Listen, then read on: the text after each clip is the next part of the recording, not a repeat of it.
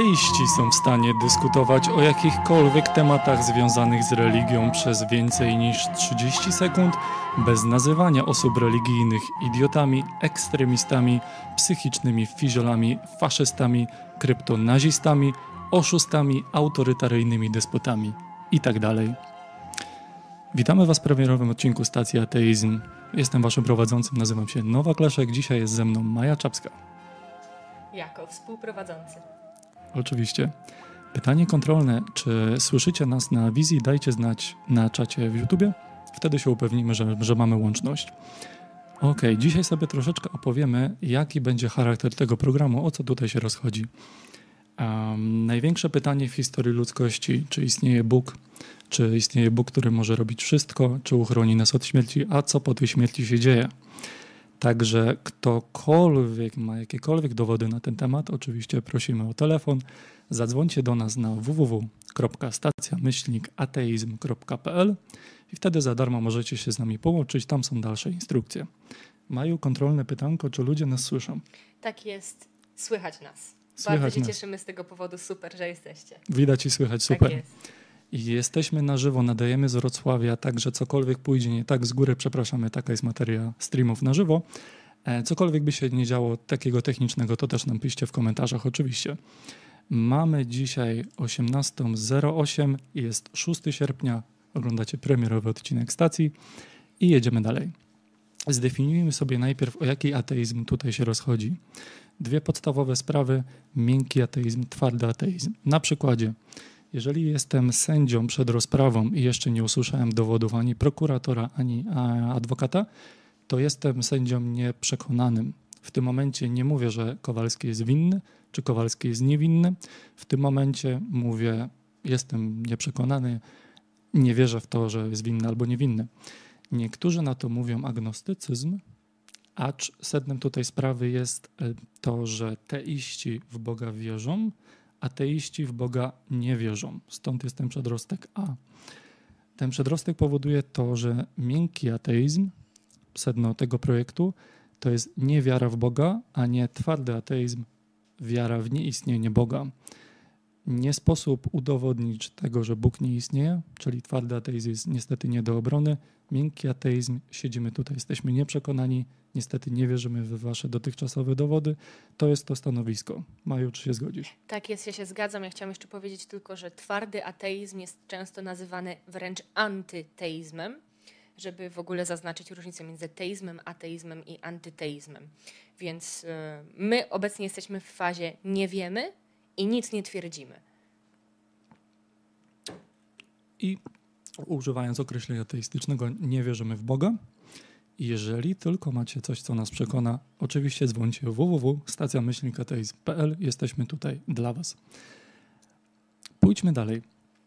Skoro ateista, ateizm znaczy tylko i wyłącznie brak wiary w Boga i nic więcej, podstawowym stereotypem, który niestety krąży i który jest bardzo dotkliwy dla wielu ateistów, jest to, że ateiści są niemoralnymi dziwolągami, bo przecież skąd mogliby mieć moralność, jeżeli nie od Boga, jeżeli nie od religii? Tak jak i są dobrzy ludzie, którzy wierzą i nie. Tak jak są dobrzy i źli ludzie, którzy wierzą, tak samo są dobrzy i źli ludzie, którzy nie wierzą. To jest bardzo proste. A więc, skoro moralność nie wynika z religii, wychodzi, że z innych rzeczy, tym takimi tematami będziemy się zajmować na łamach stacji. Nie sposób teraz wszystko przelecieć. Bardzo, bardzo chcemy streścić format stacji. I jaki jest inny stereotyp ateisty? O 8 rano wstaje. O 8.30 kąpie się w prysznicu we krwi. O 9 je dziecko na śniadanie. O 9.30 prowadzi Skype'a ze szatanem a propos dominacji na świecie. O 10 jedzie do pracy w aucie oczywiście Ozzy Osbourne. W pracy siedzi na burmuszony i syczy ks, ks, ks. O 18 jedzie do domu w aucie tym razem Rammstein. O 19 dziecko na kolację. O 20 ogląda niedorzeczny dokument o ateizmie. O 22 modli się do czarnego pana przy czarnych świecach, po czym śpi. I takie stereotypy sobie krążą. I niektórzy się z tego śmieją, niektórzy nie, ale pewna demonizacja ateistów ze świata religijnego bardzo zachodzi. Kiedy ja myślę o ateistach, kiedy myślę o tym, jakich ateistów chciałbym jak najczęściej widzieć, posłużę się nieco innym cytatem. Ateista wie, że nie ma co składać rąk do modlitwy, lecz trzeba podwijać rękawy i działać. Ateista zabiega o jakość życia tu i teraz, w przeciwieństwie do uciekania w śmierć. Ateista chce wyzbycia chorób, wyeliminowania biedy, zawieszenia broni. Czas ucieka, a problemy same się nie rozwiążą. Z tym kojarzy mi się dobry ateista, z takim podejściem do świata. Wszyscy jesteśmy na jednej planecie, mamy dużo problemów, które dotykają nas wszystkich porówni, czy to gospodarcze, polityczne, globalne ocieplenie, epidemie i tak. Pomóżmy sobie nawzajem, a, a, będzie dobrze i nie kłóćmy się o rzeczy, o które nie musimy się kłócić. Dlaczego ta stacja rusza? Bo niestety jest dużo problemów na świecie, które wynikają z poniekąd wiary w Boga. Już to przedstawię. Przyjmijmy sobie, że na tej linijeczce od początku do końca mieszczą się wszystkie możliwe zjawiska, które są na Ziemi. Od tego, że piorun uderzył, do tego, że jemy codziennie bułkę z masłem, ktoś e, urato- przeżył wypadek samochodowy i tak dalej, i tak dalej. Wszystkie, wszystkie rzeczy, budowa piramid tak, i, to wszystko mieści się na tej linijce. Jeżeli dzisiaj mamy jakieś śledztwo, skąd się wzięła choroba pana Kowalskiego, albo kto zabił pana Kowalskiego, albo dowolne śledztwo na jakikolwiek problem, mamy zagadkę do rozwiązania, to używając znanych nam mechanizmów i znanych zjawisk, jesteśmy w stanie wykluczyć pewne rzeczy, których nie ma na tej linijce. Na przykład Kowalski zginął, bo Malinowski zamówił piorun, który w niego uderzył na to zamówienie. Na przykład jesteśmy w stanie to wyrzucić, to niestety się nie mieści na linijce. Tak samo jesteśmy w stanie historycznie analizować, co się kiedyś wydarzyło. Gdy ktoś mi powie 700 lat temu król wjechał na koniu do swojego zamku, ja mogę nie mieć tego na taśmie, na wideo, na audio, cokolwiek, jestem w stanie uwierzyć to na słowo. Bo wiem, że mieści się w ramach, to, w, mieści się w ramach tej linijki. Problem z Bogiem polega na tym, że Bóg jako istotna wszechmocna, wszechwiedząca i wszechwszystko jest na końcu tej skali i on zawsze może być rozwiązaniem każdego problemu, każdej zagadki, każdego śledztwa.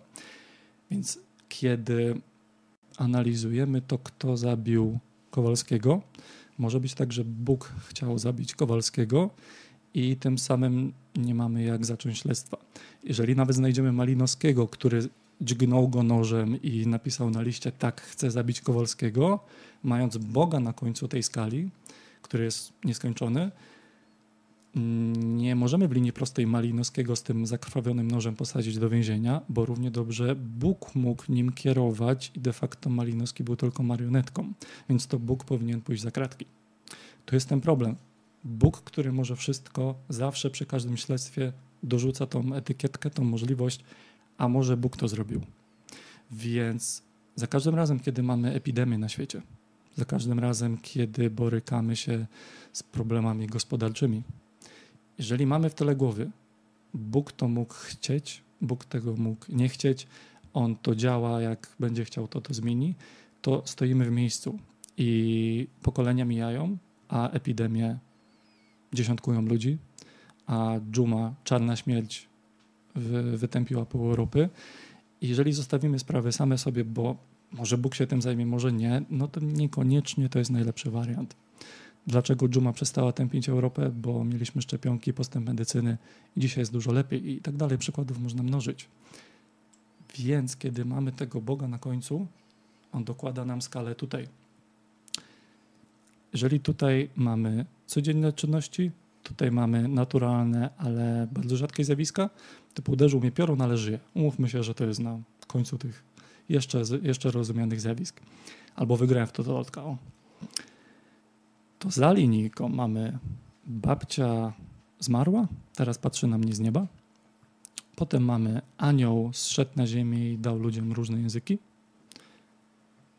Szatan włada całym złem na ziemi i tak dalej, aż do Boga, który może to wszystko zmienić, od niego to wszystko zależy.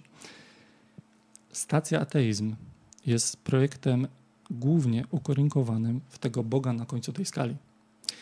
Jeżeli nie mamy dowodów, na istnienie tego Boga, znasz jakiś to zadzwoń, to wtedy Bóg z końca skali nam znika, jesteśmy w stanie ją ukrócić o krok bliżej tej linijki, którą jesteśmy w stanie sprawdzać metodą naukową, badaniami itd., itd. Wtedy będziemy mieli mniej opcji przy każdym śledztwie. Wtedy, kiedy za ścianą sąsiad katolik będzie bił żonę, nie będziemy myśleć w kategoriach, a może to jest boski plan, bo on jest grzeszniczką i jej się należy, więc co ja będę interweniował? Wtedy będziemy bardziej myśleć w kategoriach, ośrodek pomocy społecznej może być zainteresowany tym przypadkiem. I numer jest do, do infolinii dostępny za darmo w internecie właśnie po to. Zupełnie jest inny kierunek. Ośrodek pomocy społecznej, a może Bóg tak chciał. To są dwie przeciwne sprawy. Tym samym wtedy, jeżeli pozbędziemy się Boga na końcu skali, jako możliwe wyjaśnienie, mm, będzie mniejszy problem z takimi sytuacjami. Matka miała dziecko, które było chore. Mm, dziecko mogło być wyleczone dostępnymi lekarstwami, dostępnymi operacjami chirurgicznymi, ale z racji tego, że matka była przekonana, że Bóg może ją mm, wyleczyć, nie dała ją do lekarza, modliła się za nią, modliła się za nią, modliła się za nią, córka zmarła. Ta córka mogłaby żyć, gdybyśmy skorzystali z rozwiązań dostępnych na linijce, dzisiejsza medycyna i tak dalej. Więc problemy są tu i teraz. Problemy są nawarstwiane z powodu wiary w Boga, który może zareagować, który może to wszystko zmienić. Ja bardziej czekam z nadzieją na postęp nauki, niż na to, że w końcu Bóg przyjdzie, zadziała. Dzisiaj żyjemy dwa razy dłużej niż nasi przodkowie, dzięki postępowi nauki właśnie. Czy ja mogę jeszcze coś dodać do tego? Jasne. Religia i ogólnie wierzenie tworzy w ludziach potrzebę i wręcz komfort bycia w danej sytuacji, komfort bycia chorym, komfort świadomości, że nie muszę iść do lekarza, albo wręcz nie pójdę do lekarza, bo poczuję się jeszcze lepiej, jeśli zostanę uzdrowiony e, w ten ponadnaturalny sposób. To jest komfort bycia w sytuacji, która jest dla nas niezdrowa i niekorzystna um, z każdego punktu widzenia. Mimo to, że wmawiamy sobie, że czujemy się komfortowo i to jest ta część indoktrynacji religijnej, która bardzo hamuje rozwój osobisty, a czasem wręcz hamuje jakby utrzymanie człowieka przy życiu kult cierpienia jest niestety podstawą bardzo wielu religii i to jest, to jest przykre widzieć te, te wszystkie sytuacje, które mogłyby być rozwiązane, rozwiązane z systemami, które już w tym momencie mamy i nie są używane, bo cierpienie uszlachetnia i kim ty jesteś, żeby w ogóle zmieniać swój stan rzeczy. Kalanie się przed Bogiem to jest, to jest fundament tak wielu religii i to, to bardzo smutne jest po prostu kiedy nasz projekt się zakończy. Dzisiaj to doprecyzujmy. Kiedy ateiści zostaną przekonani, że Bóg istnieje, to jest jedna z oczywistych opcji. Także jeszcze raz www.stacjamyślnikateizm.pl zielony guzik zadzwoń, zapraszamy na antenę, z miłą chęcią z Tobą porozmawiamy, cokolwiek masz do powiedzenia. Jeżeli będziemy przekonani, że Bóg istnieje, ogłosimy to publicznie na łamach tej stacji. Dowolne pieniądze, jakie kiedykolwiek pojawią się w tym projekcie, przekażemy na wybraną organizację tej osoby, która nas przekonała. Z góry to obiecuję. Ogłosimy to wszędzie, gdzie tylko się da po środowiskach ateistycznych, w każdym dostępnym języku. Więc sprawa jest bardzo ważna. Jak tylko nas przekonasz, my od razu bierzemy się z roboty. Nie jesteśmy głupio uparci, nic z tych rzeczy. Naprawdę Ale... szczerze mhm. chcemy, chcemy znać odpowiedź. To nie jest tak, że my tutaj siedzimy, tylko jeśli ty naprawdę masz dostęp do prawdy, a my czegoś nie wiemy, to jednak fajnie by było wiedzieć. Dlatego dzwońcie. Co cię przekonało, zadzwoń, opowiedz nam to też. Ale druga opcja jest jeszcze. Kiedy nie, ateiści nie będą przekonani i wciąż będą nie wierzyć w Boga, ale będą traktowani społecznie na równi. Mam tutaj kilka cytatów, które pokazują, co mam na myśli. To mała wieś, małe miasteczko. Nie przejęłabym się tym, że ktoś mnie obgaduje, ale mam dzieci. Boję się, że moje dzieci będą wyśmiewane czy bite przez inne dzieci w szkole, że nie będą miały szansy zdać do następnej klasy. Drugi cytat. Jak nie wpuszczę księdza, jak nie ochrzczę dzieci, jak nie poślę ich do komunii albo powiem, że nie wierzę, że nie chcę mieć z Kościołem nic wspólnego, to nie pochowają mi ojca czy matki. Dzieci nie dostaną się do gimnazjum czy też na studia. Kolejny cytat. Gdybym powiedziała, że nie wierzę w Boga, mąż by mnie zbił, zostałabym sama z dziećmi, bez pieniędzy i szans na jakąkolwiek pomoc. Dorzucam jeszcze bonus, znalazłem go tydzień temu w dyskusjach na internecie. Ochrzczeni ateiści to najgorsza i najbardziej podła kategoria ludzi, a takich jest większość. Rozwinę temat w zakresie podłości polskojęzycznych ochrzczonych ateistów. Otóż nie słyszałem, by Żyd ateista atakował judaizm, czy Arab ateista atakował islam. W Polsce mamy osobliwy urodzaj sraluchów obsrywających Kościół i polskość, choć te indywidua określają się Polakami. Można by dużo mówić o tym komentarzu. Dwie rzeczy. Jeżeli nie zna Araba ateisty, który krytykuje islam, pójdźmy dalej. Co powie na Arabkę, ateistkę, która krytykuje islam i mówi, jak ważna jest reformacja islamu? Ona tam była, ona stamtąd uciekła. Pod ochroną policji opowiada o, o konieczności reformacji islamu. Jeżeli nie zna Żyda ateisty, który krytykuje judaizm, David Silverman, Żyd ateista, krytykuje każdą religię i każdą wiarę w Boga. Także polecam le lekturę. Widocznie research był zbyt mały u tego pana. Jeżeli ja teraz siedzę z Mają i uważamy się za Polaków, niezależnie od tego, czy wierzymy, czy nie, i ktoś nam to prawo chce odebrać z jednego powodu, nieważne co robimy na co dzień, do jakiej pracy chodzimy, czy pomagamy ludziom, czy nie, czy jesteśmy dobrymi sąsiadami, jeżeli dla niego skreśla naszą polskość, naszą ludzkość chyba, to, że nie wierzymy w Boga, to to jest ten problem. Fundamentalnie religie dzielą i głoszą nienawiść do tych, którzy nie są z nimi. Nie jesteś z nami, jesteś przeciwko nam. Jeżeli zadzwoni do nas osoba wierząca, my jej nie wyrzucimy, bo jest wierząca. Mam wrażenie, że w drugą stronę wyżej wspomniany Pan nawet by nie odebrał telefonu od ateisty. I tu, tu jest poważny problem. W jaki sposób stabilnie utrzymać społeczeństwo, które jest tak różnorodne? W Polsce mamy i katolików, i ateistów, i muzułmanów, i hindusów, i protestantów, i cała lista jest. Jeżeli ktokolwiek do tej różnorodnej listy podchodzi, nie, nie, nie, wy się nie liczycie, wy się nie liczycie, wy się nie liczycie, to za chwilę będziemy mieli krew na ulicy. Czy tutaj Maju coś chciałeś? Ja nic nie mam do dodania w tej sprawie akurat. Więc jednym z końców tego projektu, jaki by, by, by mi się marzył, jest to, że ateiści na co dzień w Polsce konkretnie będą traktowani tak bardzo na równi, jak traktowane są osoby praworęczne, jak coraz bardziej leworęczne, jak osoby opalone, jak osoby nieopalone. I kiedy takie komentarze jak ochrzczeni ateiści to najgorsza i najbardziej podła kategoria ludzi, jeżeli takie komentarze będą spotykały się z wyśmianiem na internecie, a nie z przyklaskiem, to będzie wyraźny krok w stronę równości. W tym momencie nie jest celem ateistów, żeby było w Polsce dla nas lepiej niż dla osób wierzących. Celem jest, żeby było na równi. Od tego w ogóle zacznijmy. I problem jest taki: religia niekoniecznie na to chce pozwolić w łatwy sposób, bo ateiści są drugiej kategorii. To nie jest nasz problem. My nie układaliśmy religii w ten sposób. Wszyscy żyjemy w jednym kraju, wszyscy żyjemy na jednej ziemi. Mamy wspólne problemy. Także poszukajmy sposobów, żeby się łączyć. Sposoby na dzielenie się znamy i są spisane już w wielu księgach. Są też inne księgi, które dotyczą łączenia. Więc do momentu, kiedy A nie znamy dowodu na istnienie Boga, przekonującego, ani jednego, zero. Jeżeli tutaj się pojawi jedynka, zwijamy projekt, zmieniamy go, nie wiem, na stacja ateizm, cokolwiek. Albo do momentu, kiedy ateiści będą w końcu traktowani na równi, albo nie, do, dopóki nie będą traktowani na równi, co będziemy robić w tym projekcie?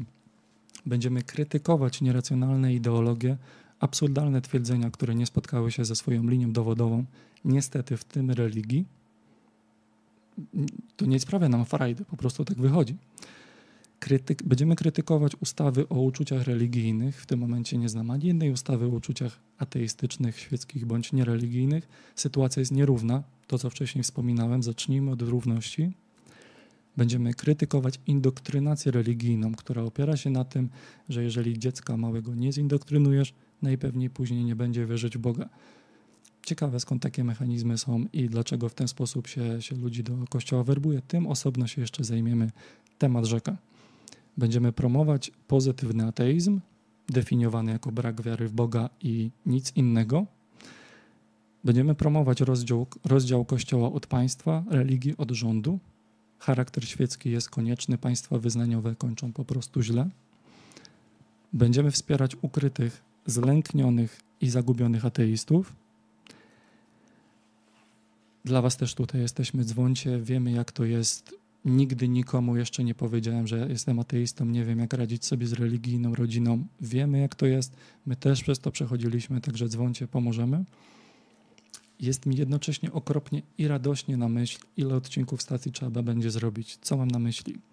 Jest mi okropnie, że tyle problemów jest w stanie zastanym, wyżej wspomniane sytuacje.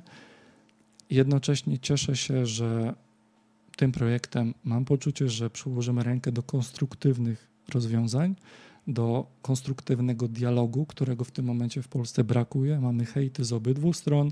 Jestem na grupach i wierzących, i niewierzących. I to, co leci w obydwie strony dzisiaj, fragmencik, malutki cytat, to, co leci w obydwie strony, to jest masakra. Jeżeli wierzysz w Boga i nigdy jeszcze nie miałeś okazji porozmawiać z ateistą, tak na spokojnie, cierpliwie, na serio, spróbuj tym razem. Zadzwoń www.stacjamyślnikateizm.pl Zobaczymy, może tym razem pójdzie lepiej. Tak jest. I ja chciałam dodać coś jeszcze od Ciebie. Słuchajcie, dzwońcie do nas koniecznie, e, a w międzyczasie Chciałam powiedzieć o czymś takim jak ciężar dowodu, bo tutaj z komentarzy widzę, że e, pan Kuba Wiśniewski zadał bardzo ważne, jakby poruszył bardzo ważną kwestię a propos tego, że my wycofując się z wiary w istnienie Boga i w istnienie Stwórcy Wszechrzeczy, czy Wszechstwórcy formy wszechistniejącej, automatycznie zaczynamy wierzyć w coś innego. E, I jest to po prostu błąd logiczny. My, jako ateiści, nie tworzymy e, alternatywy, jeśli chodzi o sam ateizm. Ateizm to nie jest ideologia. Ateizm to jest pozycja, w której my po prostu mówimy, że wycofujemy się z twierdzenia iż, i z wiary w twierdzenie, iż Bóg stworzył świat i wszystko, co go otacza. E, więc to nie jest tak, że my od razu tworzymy sobie alternatywę do Boga, bo czasem jedyną, najprostszą odpowiedzią na pytanie, kto stworzył świat, kiedy stworzył świat, jak, co powstało, gdzie, czasem najszczerszą odpowiedzią jest nie wiem, nie wiemy. Um, dlatego na ateiście e, nie, nie leży ciężar dowodu. E, a pan Wiśniewski powiedział, że wręcz przeciwnie, że leży na nas ciężar dowodu, nawet jeśli wycofujemy się z twierdzenia, że Bóg istnieje. I zasada ciężaru dowodu po łacinie nazywa się onus probandi i ona jest stosowana w filozofii, ale też w polskim prawie. Mówi ona, że obie strony konfliktu są zobowiązane do przedstawienia przed sądem dowodów udowadniających ich rację. To nie jest tak, że sędzia orzecze na podstawie dowodów jednej, na podstawie niczego. Że no, wydaje mi się, że pan Kowalski jest winny, bo mu źle z oczu patrzy. Albo sędzia powie, a w sumie no, tutaj tak są dowody, ale mi się nie chce nad nimi zastanawiać. Nie. Chodzi o to, że ja w sądzie, bijąc się o swoją sprawę, muszę dostarczyć dowody. To ja twierdzę, pan Kowalski mnie pobił, albo pan Kowalski mnie okradł, albo pan Kowalski zrobił coś złego. I wtedy na, na mnie leży ciężar udowodnienia, onus probandi, tego, że Kowalski jest winny. I na ateizmie i na ateistach nie leży ciężar dowodu. Na antyteistach, którzy wierzą, że Boga nie ma, i na teistach, którzy wierzą, że Bóg jest, leży ciężar dowodu. Oni stawiają pewne twierdzenie, i są zobowiązani dopilnować tego, żeby ono trzymało się kupy i żeby argumenty, które będą wystawiać, były na tyle silne, aby utrzymać ich pozycję. I na dzień dzisiejszy ani ja, ani Leszek argumentów od teistów nie otrzymaliśmy, które byłyby na tyle dosadne i na tyle sensowne, że byłyby w stanie obronić ideę istnienia jakiejkolwiek siły wyższej, czy to jest inteligentny projekt, czy to jest osobowy Bóg, czy to jest Bóg deistyczny. I um, jeśli chodzi o ciężar dowodu, był pewien pan, nazywał się Russell. I pan Russell był angielskim matematykiem i logikiem. I on wpadł na pewien pomysł. Był bardzo zły, ponieważ teiści cały czas podawali przykładu, że to agnostycy i to niewierzący muszą udowodnić, że Boga nie ma. Nie jest to prawda i pan Russell to wiedział. Dlatego wpadł na pewien wspaniały eksperyment myślowy, który dzisiaj nazywa się czajniczkiem Russella. O co chodzi w czajniczku Russella? Otóż e, pan Russell napisał artykuł, w którym twierdził, i teraz zacytuję: Czajniczek krąży wokół Słońca po eliptycznej orbicie, lecz jest za mały do wykrycia przez nawet najlepsze teleskopy. W związku z tą jego właściwością nie można dowieść jego nieistnienia. Wyobraźmy sobie człowieka, który utrzymuje, że czajniczek niewątpliwie istnieje, a skoro nie da się udowodnić, że jest inaczej, to odrzucenie tego twierdzenia przez innych ludzi jest przejawem absurdalnych i nieracjonalnych uprzedzeń. I kwestia czajniczka Russella była wyśmianiem argumentu teistów, że to na agnostyku, czy to na osobie zadającej pytania leży ciężar udowodnienia nieistnienia Boga. To nie jest prawda to na osobie stawiającej dane twierdzenie leży ten obowiązek. Na negującym nie. I my mówimy, nie wiemy, czy Bóg istnieje, nie wiemy, czy istnieje Allah, Wisznu, Shiva, Thor, Jahwe. Ale nie mówimy też, że wiemy, że nie istnieje. I dlatego, jakby tu odpowiadając na komentarz pana Wiśniewskiego, był również eksperyment myślowy podobny do czajniczka Russella, o co w nim chodziło? Chodziło w nim o różowe, niewidzialne jednorożce. I różowe, niewidzialne jednorożce to istoty o wielkiej mocy duchowej, przecież wszyscy to wiedzą. Wiemy to, ponieważ potrafią być jednocześnie niewidzialne i różowe. Jak wszystkie religie, wiara w niewidzialne różowe jednorożce oparta jest zarazem na logice i wierze. Dlaczego? Wierzymy, że są różowe. Tu jest wiara, ale dzięki logice wiemy, że są niewidzialne, bo ich nie widzimy. I teraz dzieci na pewnym obozie w Stanach Zjednoczonych w 1996 roku dostały zadanie. Miały udowodnić, że różowe niewidzialne jednorożce nie istnieją. I teraz mam dla Was zadanie. Jeśli ktoś z Was jest w stanie udowodnić, że różowe, niewidzialne jednorożce nie istnieją, jest wierzący, na przykład wierzy w Boga i wierzy, że to na ateiście ciąży dowód udowodnienia nieistnienia Boga, niech dzwoni do nas albo niech pisze do mnie prywatnie, niech pisze do stacji na Facebooku, na maila i udowodni, że różowe, niewidzialne jednorożce nie istnieją. Ja wiem, że to niemożliwe, jest to po prostu błąd logiczny. Logika tak nie działa. Jeśli twierdziłabym, że różowe, niewidzialne jednorożce istnieją wtedy, to ja muszę dać wam dowody. Na szczęście tego nie zrobię. No ale załóżmy już, że jest osoba, która w te jednorożce wierzy. Moje pytanie by było: zaraz, zaraz, zaraz. Skąd wiesz, że jednorożce są różowe? Przecież biorę to na wiarę. Bierzesz to na wiarę. W takim razie na wiarę możesz wziąć też to, że jednorożce są niebieskie. Albo że nie są to jednorożce, a dwurożce albo nawet trzy rożce, albo nawet czterorożce i do tego są zielone. Wiara nie jest dobrą metodą uzasadniania prawdziwości swoich twierdzeń. Wiara nie jest argumentem. Argumentem jest logicznie złożony dowód albo ciąg myślenia, logika, albo dosłownie materialne dowody. Dlatego to w odpowiedzi na, na jeden z komentarzy na naszej stronie. Ktoś tu również powiedział na YouTubie, że brak dowodów na istnienie jest dowodem na nieistnienie. Nie jest to prawda. To, że kiedyś nie mieliśmy dowodów na istnienie bakterii czy mikroorganizmów i to, że naukowiec, który kazał wszystkim myć ręce w szpitalach, został wyśmiany, a potem wsadzony do szpitala psychiatrycznego, bo nie udowodnił istnienia tych mikroorganizmów, które przenoszą choroby, to nie znaczy, że te mikroorganizmy nie istnieją. Brak dowodów na istnienie nie jest dowodem na nieistnienie, ale to istnienie trzeba udowodnić. Nie, zna, nie znaczy to, że trzeba równocześnie zaprzeczać w to istnienie. Więc, tak jak podkreślamy, nie jesteśmy tutaj e, reprezentantami ateizmu twardego. Ateizm twardy również wymaga dowodów, a onus probandi, czyli właśnie e, ten ciężar dowodu leży na nas wszystkich. Chcemy być uczciwymi ludźmi i chcemy uczciwie reprezentować stanowiska, na których stoimy.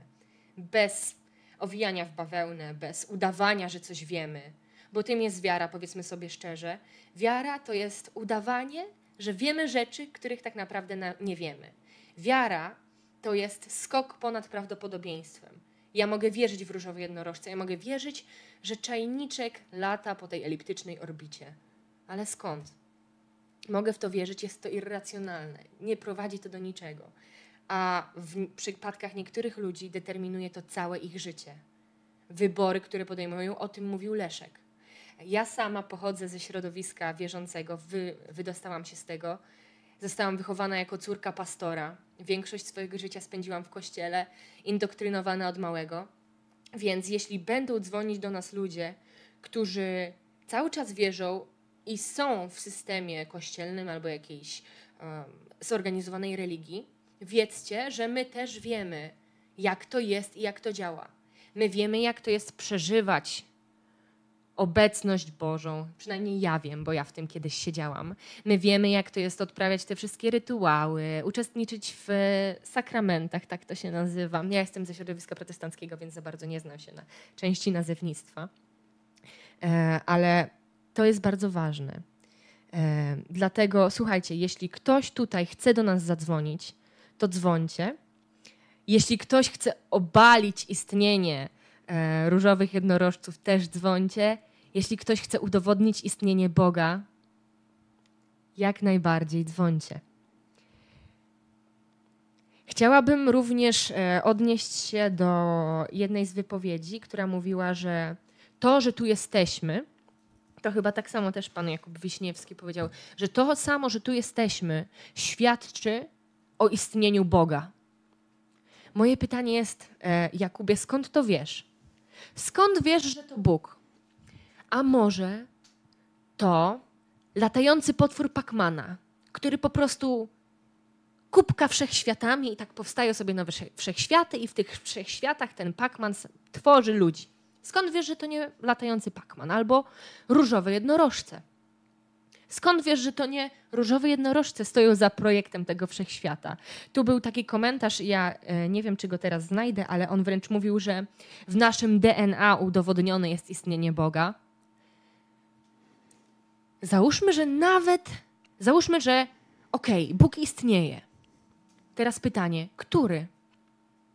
Ra, Tor, Odyn, Wisznu, Allah. Który z nich? Jeśli uważasz, że Bóg istnieje, dzwoń. Jeśli uważasz, że specyficzny Bóg istnieje, też dzwoń. My wstrzymujemy się od takich twierdzeń. I właśnie dlatego, że tutaj ktoś powiedział, że to, że świat istnieje, świadczy o istnieniu Boga, to jest błąd logiczny i to jest zwane argumentem odwołującym się do niewiedzy, który zakłada, że dlatego, że nie wiem, to element X. E, zakła zakłada również, że skoro ktoś nie obalił naszej pozycji, to nasza pozycja jest prawidłowa. I jednym z przykładów argumentu z niewiedzy możemy posłużyć się opisując czajniczek Russella. Podajmy przykład. Hipoteza pana Russella musi być prawdziwa, ponieważ nikt nie dowodnił, udowodnił, że jest inaczej. Albo hipoteza pana Russella musi być prawdziwa, ponieważ nikt nie zdołał jej obalić. E, Przepraszam, to pierwsze zdanie miało brzmieć, miało brzmieć hipoteza Russella musi być nieprawdziwa, ponieważ nikt nie udowodnił, że jest inaczej.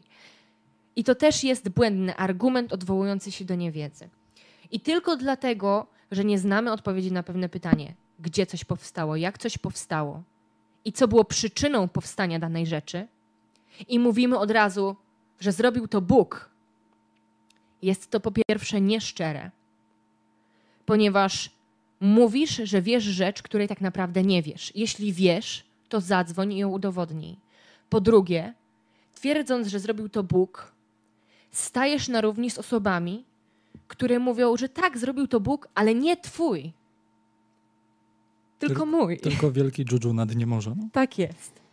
Więc pamiętajcie, że onus probandi, ciężar dowodu, to jest bardzo ważna sprawa. I to nie jest tak, że my sobie to wymyśliliśmy. Nie, to ma podstawę nawet w sądach w Polsce. Będziecie walczyć o cokolwiek przed sądem. W trakcie rozwodu, w trakcie walki o niezapłacenie mandatu. Musicie udowodnić, że nie staliście w tym miejscu albo że nie przekroczyliście prędkości. Nie, to policja udowadnia mandatem, że wy przekroczyliście prędkość. Wy dostajecie wezwanie do zapłaty, bo policja ma zdjęcie, że staliście w miejscu, w którym nie powinniście stać, tak? Dlatego też używa się jako dowodów nagrań z kamer. Jeśli ktoś się gdzieś włamie, mówimy tak, to był pan, bardzo nam przykro. Albo włosa, próbka DNA, tak, to był pan, bardzo nam przykro. Ale nikogo nigdy nie wsadziło się za nieudowodnienie niewinności. Prawda? Ciężar dowodu to jest bardzo Dosyć ważna złożone sprawa. zdanie. Tak. Może nie wszyscy zrozumieli. Rozłożę na czynniki pierwsze. Rozkładam je na czynniki pierwsze. Stoimy Przychodzisz do, do, do sądu, jesteś oskarżony Tak jest. i Jestem- jesteś niewinny. Załóżmy, że Lechu jest oskarżony. Leszku, oskarżam cię. I Leszek nie zostanie wtrącony do więzienia, dopóki ja nie udowodnię jego winy na podstawie dowodów, które zgromadzę. Bo jest coś takiego jak założenie o niewinności. I każdy z nas odgórnie uznawany jest za niewinnego do momentu, w którym tej winy mu się nie udowodni. To nie jest tak, że Leszka wsadzą, bo, mi się nie, bo jemu się nie udało obronić, a ja nie przyłożyłam ręki do udowodnienia, że on jest winny. Nie. To jest tak, że Leszek staje w sądzie, on nie musi robić absolutnie nic. Może mieć alibi, to działa na jego korzyść, e, ale to po mojej stronie leży pokazanie sądowi, że Leszek rzeczywiście jest winny. I my dzisiaj w naszym show oskarżamy Boga o bycie winnym nieistnienia albo o bycie niewinnym, jeśli chodzi o istnienie. I raczej to druga opcja jest bardziej poprawna. Bóg jest niewinny istnienia. Można tak to Można określić. tak powiedzieć. Słuchajcie, czy ktoś ma do nas jakieś pytanie? Ja zaraz wskoczę e, na nasz czat na YouTubie. A w tym czasie chciałabym się odnieść jeszcze do innej sprawy, którą myślę, że Leszek też chciałby pociągnąć. Jeden z użytkowników powiedział, że Leszek na początku w ogóle wspomniał o tym, że są źli ludzie i dobrzy ludzie. I źli ludzie robią dobre rzeczy i, do, y, i złe rzeczy, i dobrzy ludzie robią złe rzeczy i dobre rzeczy. A tutaj ktoś na YouTubie skomentował to, że Stalin i Hitler byli wzorami e, ateistów i oni robili złe rzeczy, więc jak możemy mówić, że, że ateiści to dobrzy ludzie, skoro to tak naprawdę Bóg wyznacza e, moralność. Pan Imperium Lechitów według Jezusa Chrystusa. Co miał Hitler? Co mieli naziści na wszystkich swoich pasach, na wszystkich swoich odznakach? Gott mit uns. Gott mit uns. To raz, a dwa, Hitler, Stalin i ktokolwiek tego typu nigdy nie był dla mnie wzorem ateistu. Ateizmu, pójdźmy dalej, nie ma czegoś takiego jak szkoła ateizmu. Ateizm, ateizm jest tylko i wyłącznie brakiem wiary w Boga. Nie ma czegoś takiego jak Biblia ateizmu, w której są doktryny, w której jeżeli Stalin postępuje według tych doktryn, to jest naszym guru i papieżem. Coś takiego nie istnieje. To nie jest kolejna religia, to jest brak religii, to jest coś zupełnie innego. Więc za każdym razem, kiedy słyszę, Stalin był przecież wzorem ateizmu i był ateistą i walczył z religią i tak dalej, Stalin ustalmy, był złym człowiekiem, w tym momencie jest dla mnie nieistotne, co miał w głowie, czy się modlił, czy nie, jest dla mnie istotne, ilu ludzi zamodlował. To jest konkretna liczba. Ponad 20 milionów. 20 milionów, więc to jest nieistotny wątek, czy on wierzył, czy nie, jest istotny, był złym człowiekiem. W tym momencie on dla mnie nie jest żadnym ideałem. Maju, czy dla ciebie? Nie. Nie na takich ludziach się wzoruje, także przykro mi argument w stosunku do tych dwóch ateistów, a i do wielu, których znam, nie ma zastosowania. Tak samo pamiętajcie, że to, że jesteśmy ateistami, albo to, że wy jesteście teistami, nie znaczy, że e, macie traktować stronę przeciwną jako odwiecznego wroga, z którym nigdy nie możecie się zgodzić. Ja, jako ateistka, mam wielu wspaniałych przyjaciół teistów, których uważam za wzór do naśladowania i za ludzi godnych zaufania. Tak samo teiści znają wielu ateistów, z którymi są za pan brat i od których czerpią bardzo wiele chociażby jako od idolów. Pamiętajcie, że nie, nie twórzmy sztucznych barier. O tym jest też ten program, żeby nie zamykać się. I to, że ja jestem ateistką i to, że Stalin był ateistą, to nie wsadza nas w ogóle do tego samego worka. Stalin był złym człowiekiem. Dla mnie tak samo złym człowiekiem jak Stalin jest matka albo ojciec, który znędza się nad własnym dzieckiem, który dopuszcza się przemocy domowej, albo e, osoba, która porywa niewinnych ludzi, czy to na organy, czy to w ramach okupu. Ktokolwiek cię krzywdzi, ten, kto krzywdzi drugiego człowieka, jest, powiedzmy sobie, ja nie będę szanować takich ludzi.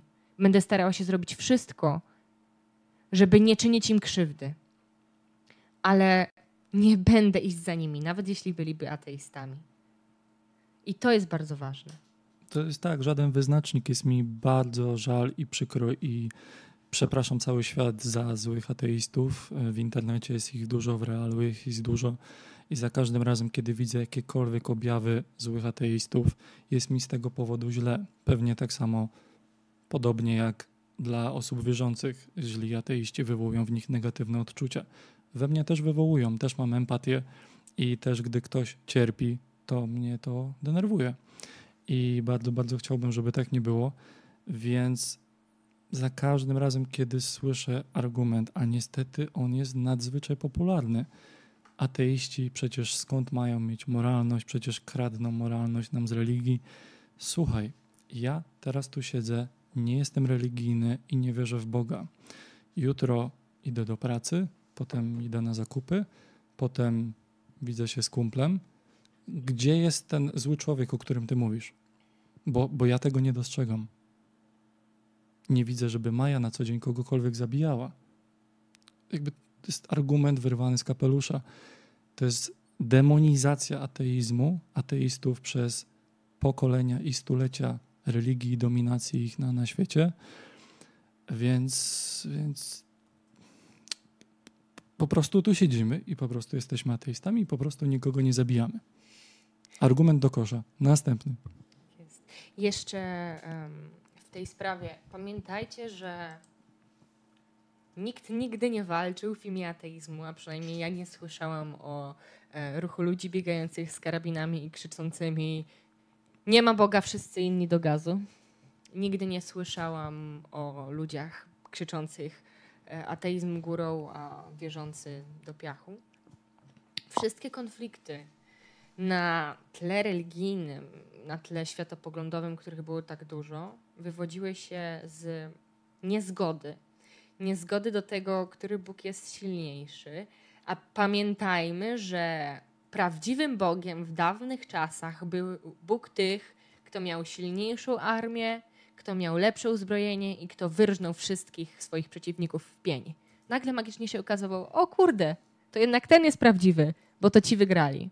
Potem przychodziło następne imperium, miało swojego własnego Boga. Okazywało się, że miało nie tylko własnego Boga, ale i lepszy sprzęt, więcej koni, więcej ludzi. I to ten Bóg stawał się prawdziwy. Wybierano tego Boga, który był bardziej korzystny, jeśli chodzi o manipulację tłumem, jeśli chodzi o kontakt ze swoimi poddanymi. Dlaczego Polacy przyjęli chrzest? Nie, mieliśmy dość pogróżek od strony krzyżaków mieliśmy dość tego, że Europa, znaczy, przepraszam, że w tym czasie nasi zachodni sąsiedzi, zachodni sąsiedzi i północni sąsiedzi, um, krzyżacy, tym czasie, potem już, tak? Południowi wtedy sąsiedzi byli chrześcijańscy. Mieliśmy dość tego, że jesteśmy jednymi z niewielu, którzy mogą zakryć się kocykiem wiary w dobrego Boga i powiedzieć: A my tu też z wami leżymy w tym ciepłym łóżeczku, nie róbcie nam krzywdy. Więc pamiętajcie, że wszelkie walki nie były nigdy toczone w imię ateizmu. Były toczone w imię niezgody, chęci zysku, pieniędzy, terenów, wpływów, władzy. Czy po prostu z powodu szaleństwa niektórych ludzi, takich, takich jak Hitler, o którym mówił Lechu? No. Kiedyś trafiłem na cytat, który bardzo zapadł mi w pamięć. Religia to nadzieja w świecie podzielonym przez religię. Pamiętajcie też, bardzo mocno pamiętajcie, będziemy to podkreślać w tym programie kilkakrotnie, bo w Polsce jest z tym problem. Ateizm to nie jest ideologia. Ide jakby światopoglądem może być humanizm. Albo antyklerykalizm. Albo antyklerykalizm. Ale ateizm nie jest światopoglądem, nie jest drogą życia. Założenia teistyczne i wiara w konkretnego Boga, który już narzuca na ciebie zasady, to jest światopogląd, to jest ruch. Ateizm czymś takim nie jest. Pamiętajcie o tym. Ateizm to jest po prostu pozycja, w której się znajdujemy.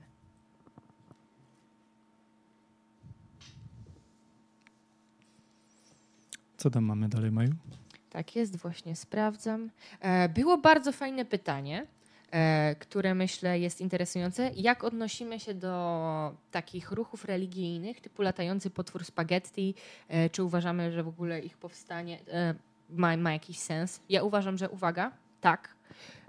Kościół pastafaria, pastafarianizm, pastafarianizm został założony przez pewnego fizyka. Dlaczego? E, otóż ten pan fizyk nazywał się, już wam mówię, hmm, Bobby Henderson, e, który bardzo zdenerwował się, um, słysząc pewne wieści. E, pastafarianizm był kontrą do idei wprowadzenia nauki inteligentnego projektu w szkołach w, w stanie Kansas. Była debata na temat tego właśnie, czy e, teoria inteligentnego projektu powinna zostać wdrożona w program nauczania e, w, dla dzieci. I pan Bobby powiedział: OK, skoro inteligentny projekt będzie wprowadzony, to ja chcę, żeby wprowadzono też nauczanie o tym, że to wielki latający potwór spaghetti stworzył świat. Więc to była totalna kontra do pokazania, jak irracjonalny był system i jak irracjonalne były założenia, które wprowa chciano wprowadzać do szkół.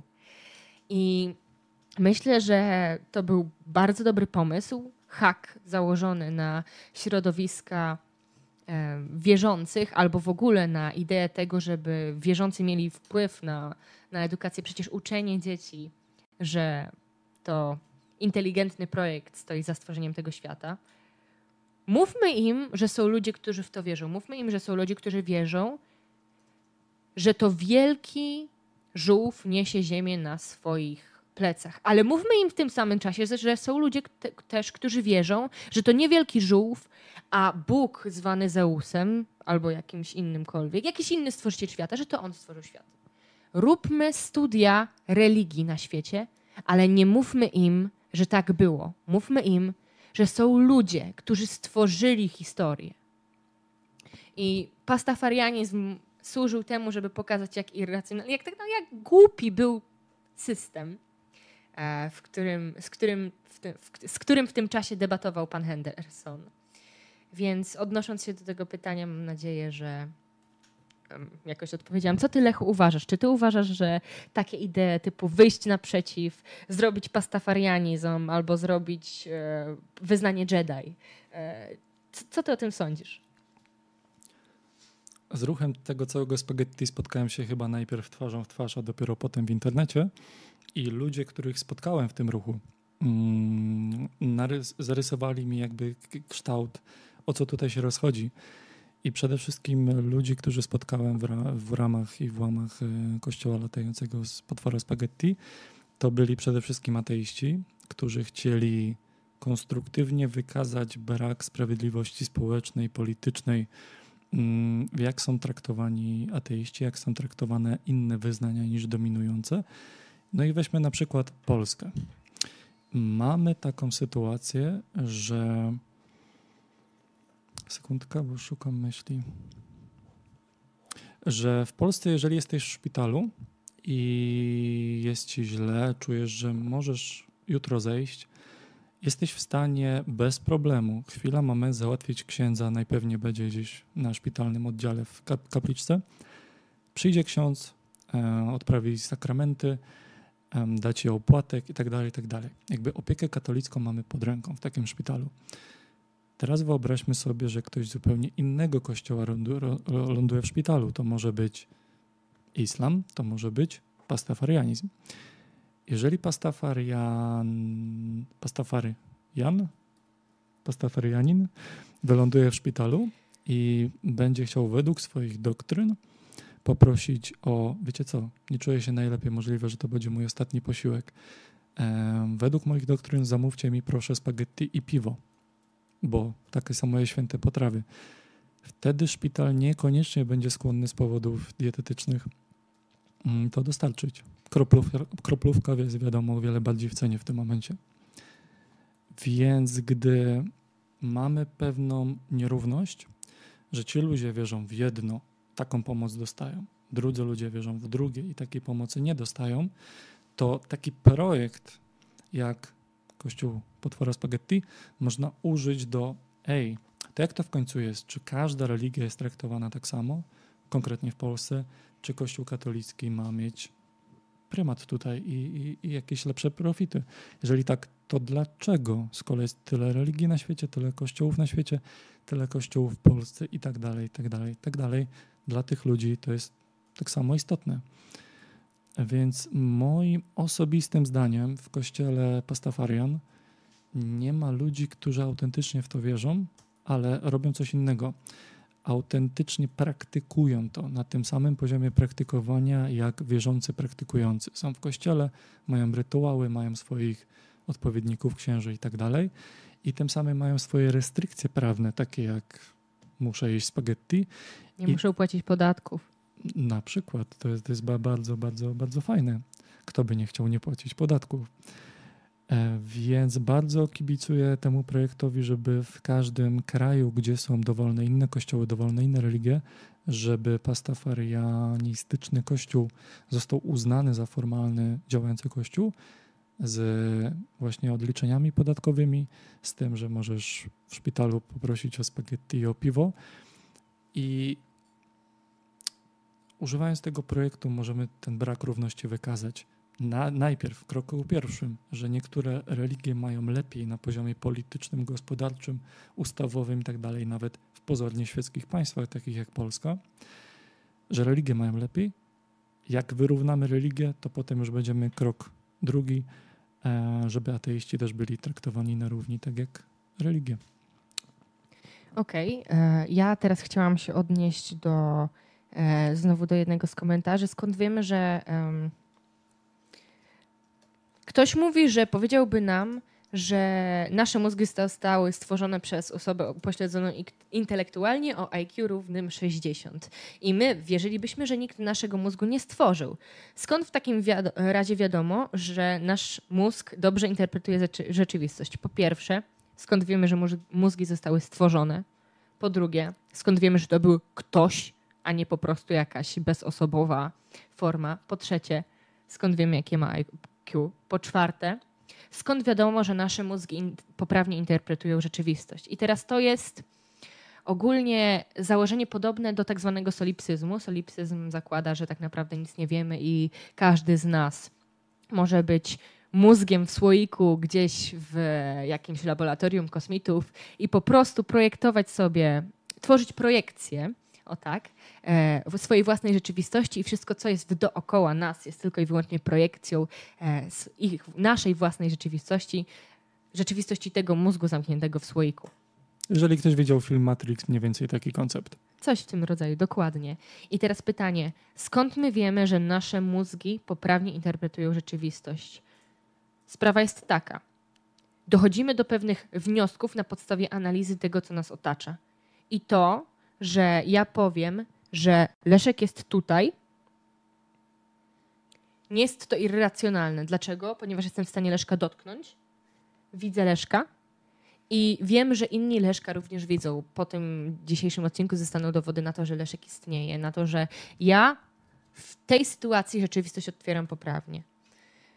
Więc e, jakby to jest ta kwestia, że solipsyści uważają, że tak naprawdę nie jesteśmy w stanie dojść do tego, czy dobrze interpretujemy rzeczywistość, czy nie. Okej, okay. nasza percepcja jest zaburzona. I z tym się zgadzam. Nie jesteśmy w stanie ogarnąć całego świata. Dlatego po pierwsze na wiele pytań odpowiedź brzmi nie wiemy. To jest piękna odpowiedź, najszczersza, e, jak tylko się da w niektórych przypadkach. A po drugie, tak naprawdę, skoro nie jesteśmy w stanie do końca odbierać rzeczywistość takiej, jaka on, jaką ona jest, pamiętajmy, że jest różnica między percepcją a rzeczywistością. Bo to, że ja powiem, że według mojej percepcji wszystkie kamienie, albo według, mojej, według mojego własnego zdania, wszystkie kamienie są miękkie, dopóki ich nie dotkniemy to to nie zmieni faktu, że te kamienie i tak cały czas będą twarde. Jest różnica między moją percepcją a rzeczywistością. To, co ja uważam, może różnić się od tego, jak jest naprawdę. Bo nawet to, że ja nie będę wiedziała o istnieniu miękkich kamieni, a załóżmy, że takie istnieją, no to miękki kamień i tak będzie miękkim kamieniem, i tak będzie miękkim kamieniem, niezależnie od tego, czy ja o tym wiem, czy o tym nie wiem, albo czy ja w to wierzę, czy nie. Więc no tylko oczywiście nie, nie mądrym jest wierzyć w istnienie takich kamieni, dopóki się ich nie udowodni. Dlatego szczerą odpowiedzią jest nie wiem. Czy nasze mózgi dobrze odbierają tą rzeczywistość? Staramy się zachowywać tak, żeby nasze działania i nasze wnioski korespondowały z tym, jak to, co nas otacza, się zachowuje. Staramy się działać tak, żeby nasze czynności, to, co wykonujemy i to, co mówimy, były zgodne z tym i korespondowały e, dobrze w stosunku do tego, co się dzieje na świecie. I w ten sposób też określamy, czy dobrze odbieramy rzeczywistość, czy nie. Prosty test na rzeczywistość, jeżeli mieszkasz na drugim piętrze, czy wychodzisz na dwór przez okno, czy przez schody. Słuchajcie, ważne, bardzo ważne pytanie. Jeśli chodzi o naszą platformę do dzwonienia, wolicie dzwonić z Discorda czy na przykład przez aplikacje typu Skype, bo wiem, że z Discordem jest dzisiaj problem i osoby, które się z nami e, łączyły, mają problem z włączeniem mikrofonu na Discordzie i kwestia jest taka, tam macie taką ikonkę, słuchawki, ją trzeba odkliknąć i wtedy wszystko powinno być dobrze. Więc jeśli, jeśli macie problem, jak dzwonicie do nas z Discorda, odkliknijcie na pewno e, ikonkę słuchawki. Ale napiszcie proszę w komentarzach, teraz czy po programie, czy wolicie dzwonić przez Discorda, w ogóle kto próbował się do nas dodzwonić i komu się nie udało i czy wolelibyście, żebyśmy znaleźli jakieś inne rozwiązanie. Discord, tutaj widzę jest fan Discorda, my, my też.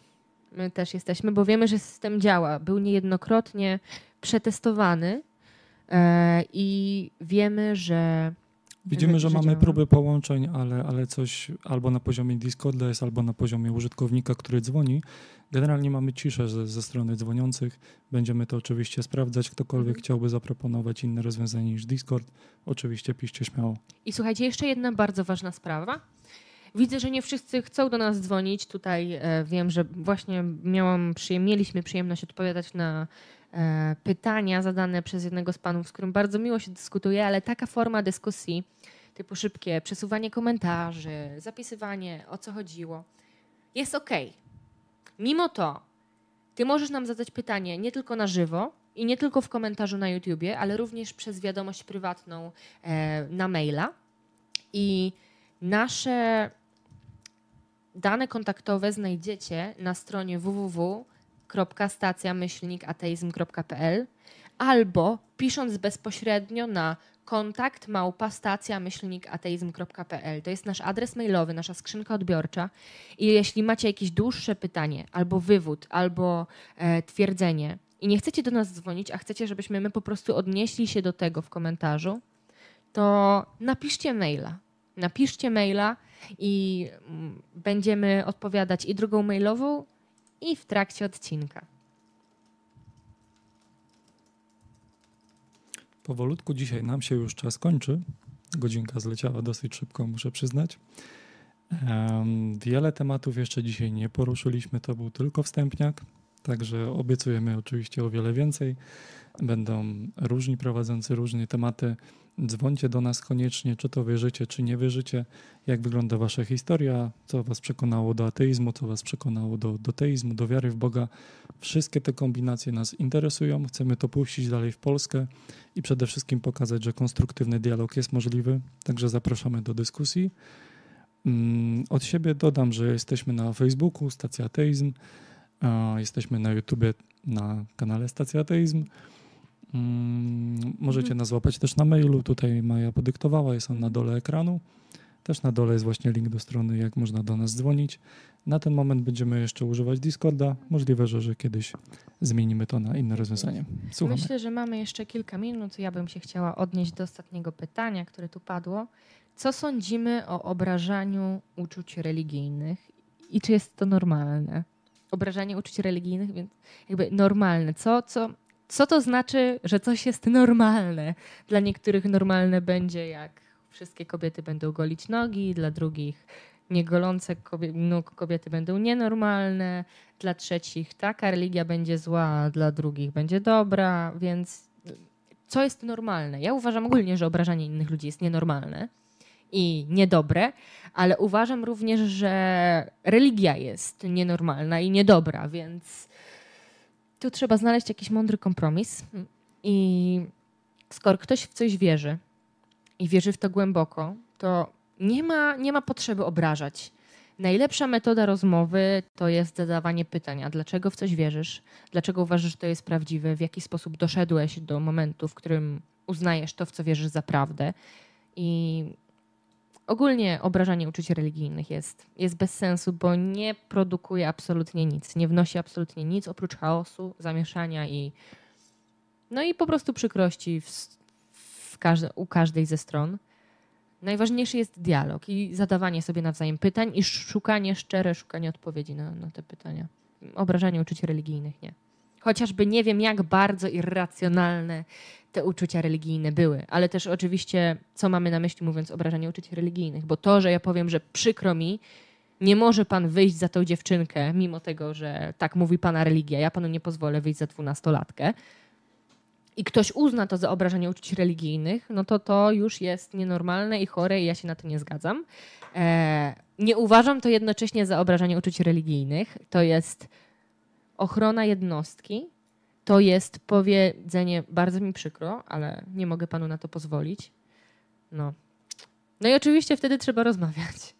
Jeśli ktoś chce krzywdzić, to wtedy ogień, czasem trzeba zwalczyć ogniem, ale nigdy do, jakby to jest ostateczność. No. Ja podejdę z zupełnie innej strony do tego problemu. Obraza uczuć religijnych, uczucia religijne. Ja mam problem z samym pojęciem uczucia religijne Dokładnie. i z tym, że są traktowane na piedestale. Co mam na myśli?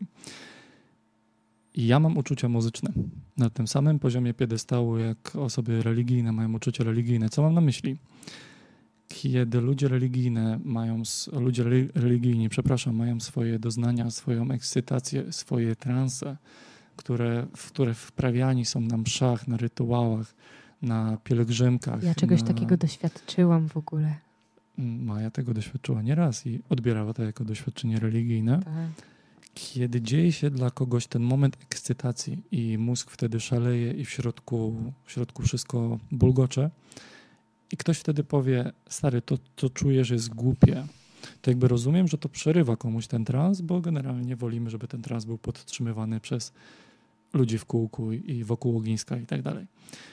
Ja, kiedy słucham muzyki, przy tym jak uwielbiam, jest tyle pięknej muzyki, czasami też ją gram i dla mnie jest ona czymś niesamowitym, daje mi wiele radości w życiu. Jest ogromną pasją, od kiedy tylko pamiętam. Widocznie mój mózg jakoś jest tak poskręcany tymi kabelkami, że, że bardzo, bardzo lubi dźwięki. I teraz o co chodzi? Bardzo często sam w pokoju robię sobie sesję transową.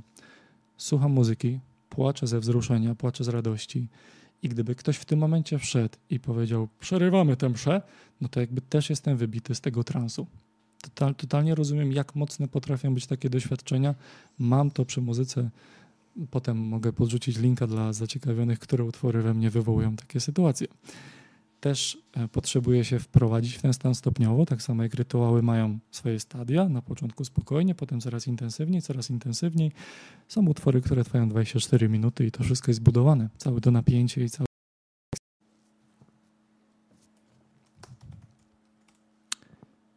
I jeżeli obliczenia są poprawne, to jesteśmy z powrotem na wizji. Przepraszamy za kłopoty techniczne. Dajcie nam znać na czacie, czy Tak się jest, widzimy i czy się słyszymy. Mm, Więc był wątek uczuć E, muzycznych, Obrazy. uczuć religijnych. E, sytuację mamy taką, że kiedy ja chcę przeżyć ten trans, tą ekscytację, ja wiem, że jeżeli nie zapewnię sobie spokojnego miejsca odciętego od ludzi z wyłączonym telefonem, to ktoś może mi to przeszkodzić, bo on też żyje na tym świecie. Jeżeli chciałbym w ten trans wprowadzić się w miejscu publicznym na ławce, ktoś mi go przeszkodzi, bo będzie akurat przebiegał z psem, ja nie mogę mieć do niego pretensji o to. On też może z psem sobie tędy przebiegać. Więc prywatnie w moim, za- moim zamkniętej przestrzeni e, przeżywam te rzeczy z muzyką, które mam. I teraz różnica jest taka, że ja nikomu nie każę przeżywać tych doznań, ja nikomu nie zabraniam przeżywać tych doznań. Ktokolwiek powie, Leszek, to jest głupie, co ty żyjesz, prze, przeżywasz, ja nie jestem w stanie ucieknąć w moim życiu od takich komentarzy. Każdy może mi powiedzieć, że to, co robię, jest głupie, to, co przeżywam, jest głupie. To, ile daje mi muzyka, jest głupie. I po prostu przyjmuję to na klatę, że są ludzie, którzy nie są w stanie tego przeżyć. Niektórzy tak mają z obrazem, niektórzy tak mają z tańcem, niektórzy tak mają z religią i nigdy z muzyką samą tego nie przeżyją, co ja przeżywam z muzyką. Więc byłoby utopijnym czekać na tych wszystkich 7 miliardów ludzi na świecie, żeby przestali mi mówić, że oni nie są w stanie tego doznać, że to jest przecież głupie i tak dalej, i tak dalej. I tego samego oczekuję od osób religijnych. Jeżeli ja komuś powiem, ja nie odczuwam Boga, ja nie doświadczam na mszy tego, co ty doświadczasz na mszy. Dla mnie to jeszcze nie jest obraza uczuć religijnych. Ja po prostu mówię, że ja tego nie doświadczam. Jednocześnie, kiedy ty nakazujesz innym tego doświadczać, to jest nie na miejscu. Ja też chciałam dodać, że chciałabym zredefiniować trochę swoją pozycję, bo tutaj był jeden komentarz, że Hitchens, Dawkins i Harris by się z nami nie zgodzili i ja w sumie muszę zgodzić się z tym, że tak, to jest prawda, że jednak są takie momenty w religii, z których po prostu nie da się nie śmiać i na pewno znajdą się ludzie, którzy śmialiby się z Leszka, na przykład taka ja. E, Ten program zawiera w sobie odgórnie już na pewno obrazy uczuć religijnych, ponieważ ludzie, cokolwiek my nie powiemy, ludzie po prostu poczują się urażeni.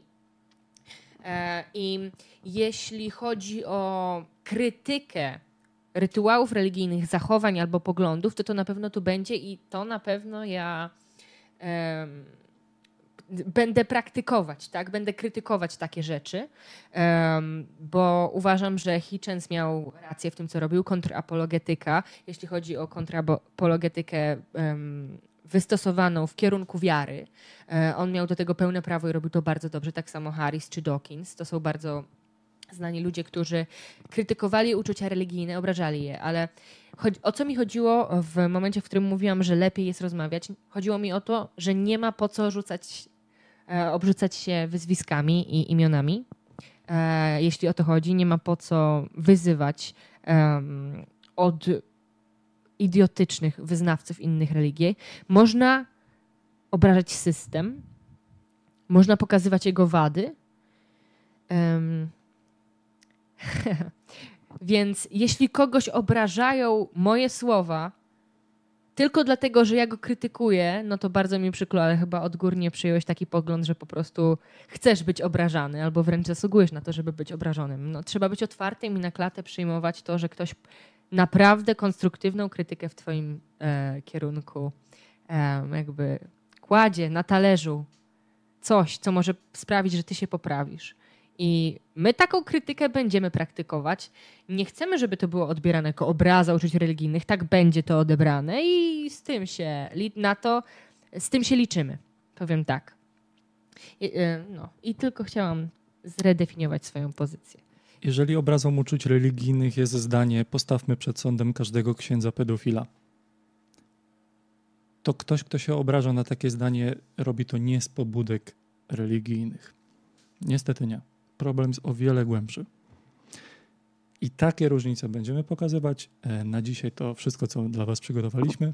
Super, że byliście z nami w trakcie premiery, naprawdę. W trakcie premiery wywalił nam główny komp streamujący, już jesteśmy z Tak powrotem, także przecieramy rękawy, że tak powiem. Przecieramy szlak YouTube'owy, streamingowy. Um, piszcie do nas na fejsie, piszcie do nas w komentarzach, piszcie na maila, e, śledźcie, co tam będziemy wrzucać. Widzimy się za tydzień w niedzielę o 18:00, tutaj gdzie zawsze. Mhm. Żegnają się z Państwem Leszek Nowak. I Maja Czapska. Dzięki za dzisiaj, cześć. Cześć.